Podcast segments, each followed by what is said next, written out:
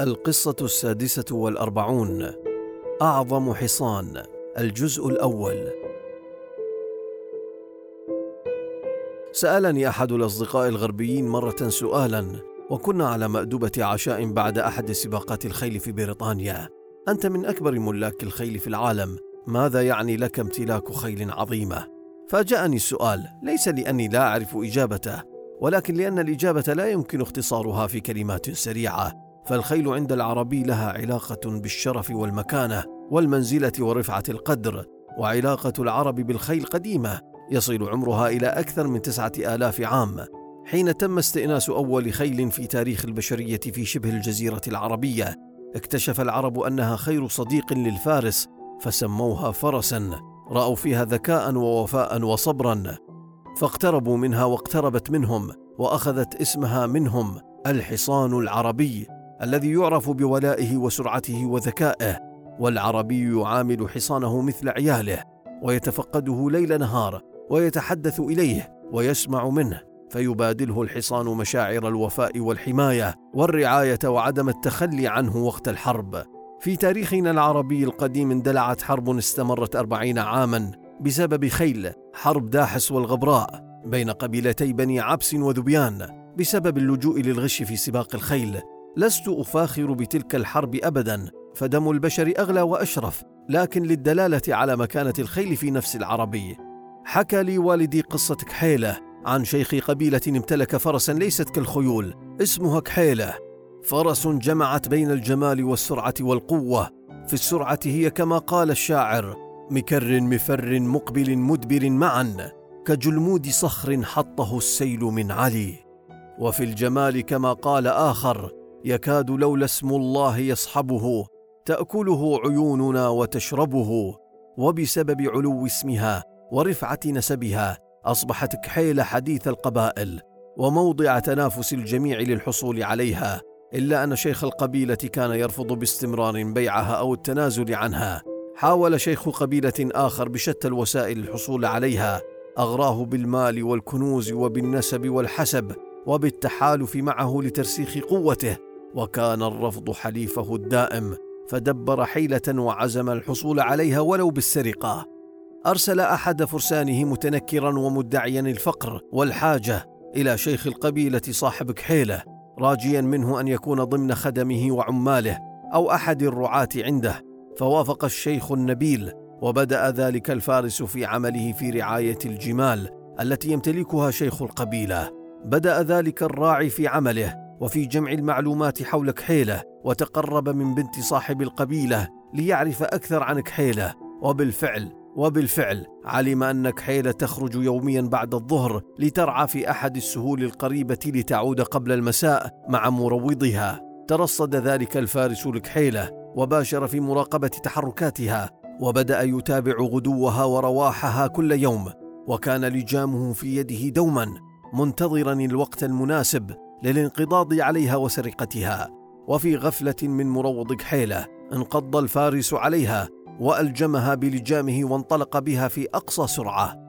انتشر الخبر بسرعة ونزل النبأ على شيخ القبيلة وابنه كالصاعقة فانطلقا نحو الاسطبل وركب كل منهما حصانا وأسرعا خلفه حتى لحقا به لأنه غريب ولا يعرف دروب الصحراء التي يسكنونها. كان ابن شيخ القبيلة يركب حصانا اسمه بليق لكنه غير معروف وغير ذي نسب. شاهدهما اللص فاندفع بكحيله إلى أرض رملية عميقة دون أن يدرك ذلك. ركضت كحيله ولكن بصعوبة وكان برق يركض على أرض مستوية صلبة فاستطاع الاقتراب منها. بدت علامات الضيق الشديد والحزن على شيخ القبيلة ثم صرخ بأعلى صوته على اللص خذها يسارا إلى الأرض المستوية خذها يسارا إلى الأرض القاسية وبالفعل أخذها إلى الأرض المستوية فانطلقت كالريح لا يلحق بها أحد. التفت الإبن غاضبا نحو أبيه سائلا لماذا أرشدته للأرض المستوية؟ فأجابه تسبك حيلة ولا يردها بليق. هكذا كان حب العرب لخيولهم. ضحى الشيخ بها حفاظا على سمعتها واسمها ومكانتها بين القبائل. كان عندي حصان أحببته كما أحب ذلك الشيخ كحيلة كان أعظم حصان امتلكته في حياتي كان اسمه صغيرا يزار وجرت العادة أن نعطي المهر اسما وهو صغير حتى نرى قدراته ثم نغير الاسم بعد أن يثبت جدارته. لكن منذ أن وقعت عيني عليه مهرا صغيرا عرفت أن فيه حصانا عظيما والخيل العظيمة لها علامات العينان فقط تخبرانك الكثير. انظر إلى ما تنظر إليه الخيول بعضها تجفل وتحرك ذيلها لمجرد رؤية أي شيء غريب يمر أمامها. وهناك خيول تبقى في مكانها وتحدق في الأشياء الغريبة بشيء من الفضول والتحدي. تخبرك نظرات الحصان ما إذا كان قائدا أو تابعا. العيون الواسعة عند الخيل هي كالوجه البشوش الصريح عند البشر وتعبر بوضوح عن الصدق والإخلاص ولا يقتصر الأمر على حجم العيون بل أيضا بريقها ولمعانها وعمقها وكأنها محيطات لا تنتهي. والعيون الصغيرة واللئيمة لا تعني بالضرورة بأن الحصان غير موهوب أو يفتقر للقدرة ولكنها تعني بكل تأكيد أنه غير مستعد أو غير راغب بتسخير تلك الموهبة والقدرات. أما العيون الضاحكة أو الناطقة فتدل على مدى سهولة الاعتناء بالحصان وتربيته وهناك خيول قادرة على النظر في عيون خصومها والتلاعب بهم وضعضعتهم بعد تقييمهم بل وتحدي مدربيها إذا لم يفهموا قدرات الحصان الاستثنائية. ووجه الحصان يخبرك بالكثير أيضا عنه فالأذنان المتباعدتان دليل على عظمة هذا الحصان لأن بنية الجمجمة تعتمد على موضع الأذنين وما يفصل بين هاتين الأذنين هو جبهة غنية واسعة. وهذه السمة تخبرك بحجم دماغ الحصان لكن امتلاكها لا يعني بالضرورة السرعة العالية فهي ليست علامة على السرعة وإنما علامة على أن الحصان قادر على فهم ما يطلب منه وبالتالي التفاعل بشكل صحيح في المواقف التي تتطلب سرعة. أما فتحتا الأنف فهما علامة على الحصان الرياضي عندما تكون الفتحتان كبيرتين وواسعتين فذلك يعني أن الحصان سيحصل على كمية كبيرة من الأكسجين. والفتحتان الكبيرتان للأنف تعنيان وجود رئتين كبيرتين لتخزين الأكسجين عند التنفس والفم الواسع أيضا من علامات قوة الحصان وسرعته وهي علامة على أن المكان الذي توجد فيه القصبة الهوائية كبير وأن القصبة الهوائية نفسها كبيرة. ويجب أن يتدفق الفك نحو الرقبة من خلال قاعدة واسعة ولكن تدلي الرقبة وتدفقها في الجسم يجب أن يكون مثاليا وفي المنحنى الصحيح ولعل أهم سمة تساعد في الحكم على الخيول هي مشيتها. تملك الخيول نسبا محددة وخاصة ترسم ملامح مشيتها. وعندما ترغب بتقييم هذه النسب والحصان يقف أمامك فيجب أن تكون المشية متناسبة معها. كان هناك حصان واحد واحد فقط امتلكته في حياتي وكان مثاليا بكل خصائصه ومقاييسه. كان يملك أذنين جميلتين متباعدتين بأطراف دقيقة كنهاية أقلام الريشة أما جبهته فكانت واسعة مستدقة على عظم رقيق على شكل هرم معكوس وبدت العضلات فوق حاجبيه أيضا على شكل هرم تغطيان عينين جميلتين تفيضان باللون الأزرق. وأما الأنف فكان مميزا بفتحتين كبيرتين لتمرير أكبر كمية من الهواء. وكانت رقبته الطويلة تسمو بشموخ وعنفوان وتميزت المنطقة السفلى لجسمه بحجمها الضخم الذي كان أكبر بضعفي الحجم المتعارف عليه لأي حصان آخر. كان يتمتع بجلد ناعم ولامع تظهر من تحته مئات الأوردة وبالذات وريد القلب الذي بدا واضحا كبيرا وواسعا وكأنه انعكاس للحياة والطاقة التي تنبض في عروقه ليخبرنا عن قلبه الكبير. أما منطقة الصدر فكانت واسعة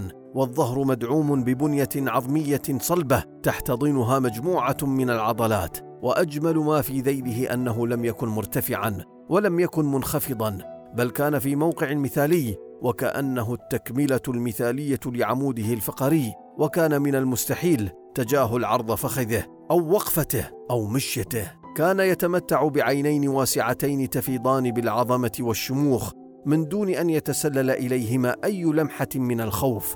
كانت عيناه قويتين وقاسيتين ولكنهما لطيفتان وناعمتان في الوقت نفسه.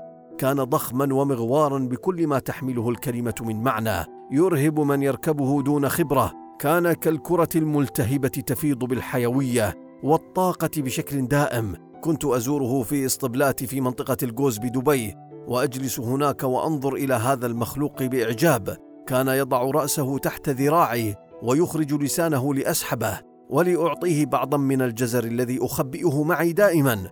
كان يستمتع كثيرا إذا مسحت على رقبته. كنت أجلس بالقرب منه يحدق كل منا في وجه الآخر. كنت أجلس على صندوق الأعلاف الذي كان ارتفاعه يصل إلى مستوى صدره. عندما كان يسير نحوي نكون بالارتفاع نفسه. كان يرفع قائمته الخلفية ويريحها. ثم يريح رأسه أمامي وكأنه عصفور يسترخي ويرتاح بوجودك. إنها أقصى درجات الثقة عند الحيوان. يا لها من متعة تلك التي كنت أشعر بها عندما يشاركني حصان عظيم وعملاق لحظات كهذه وبهذا الشكل. كنت أكتفي بالجلوس هناك والنظر إليه بإعجاب وحب لساعات. نعم هو الحصان الأعظم الذي امتلكته دبي ميلينيوم.